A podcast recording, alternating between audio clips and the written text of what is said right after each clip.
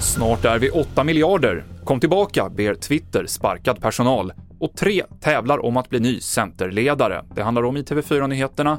Men vi börjar i Danmark där en 24-årig man nu har blivit anhållen misstänkt för mordet på en gravid kvinna i Holbäck. Det var i torsdags kväll som kvinnan blev attackerad nära sjukhuset där hon jobbar.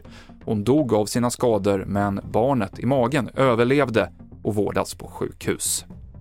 Det är problem med skyltar och högtalarsystem på tågstationer i hela landet idag, meddelar Trafikverket, som säger till SR att det inte finns någon prognos för när det kan vara åtgärdat. Tågen går dock som de ska.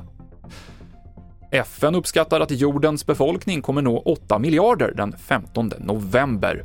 Under de kommande årtiondena tror dock FN att takten på befolkningsökningen kommer slås av något, något som framförallt beror på att kvinnor föder färre barn.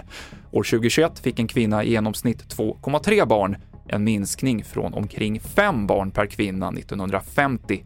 Däremot ökar medellivslängden, så en allt större andel av världens befolkning kommer vara över 65 år.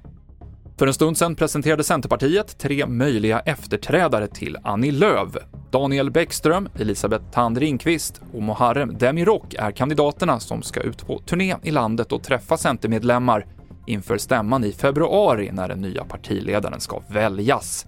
Och det finns en favorit, enligt vår kommentator.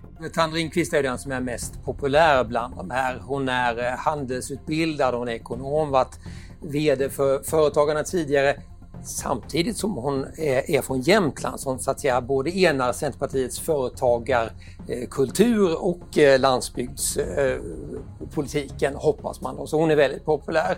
Det sa Per Hermanrud. Och vi avslutar med att det är stormigt på Twitter sen Elon Musk köpte upp plattformen för närmare 500 miljarder kronor. Flera toppchefer fick foten direkt och det följdes nu i fredags av massuppsägningar av den övriga personalen. Men nu så ber man vissa att komma tillbaka, enligt Bloomberg.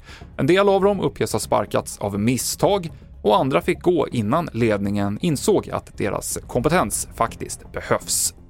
Och det avslutar TV4-nyheterna med Mikael Klintevall i studion.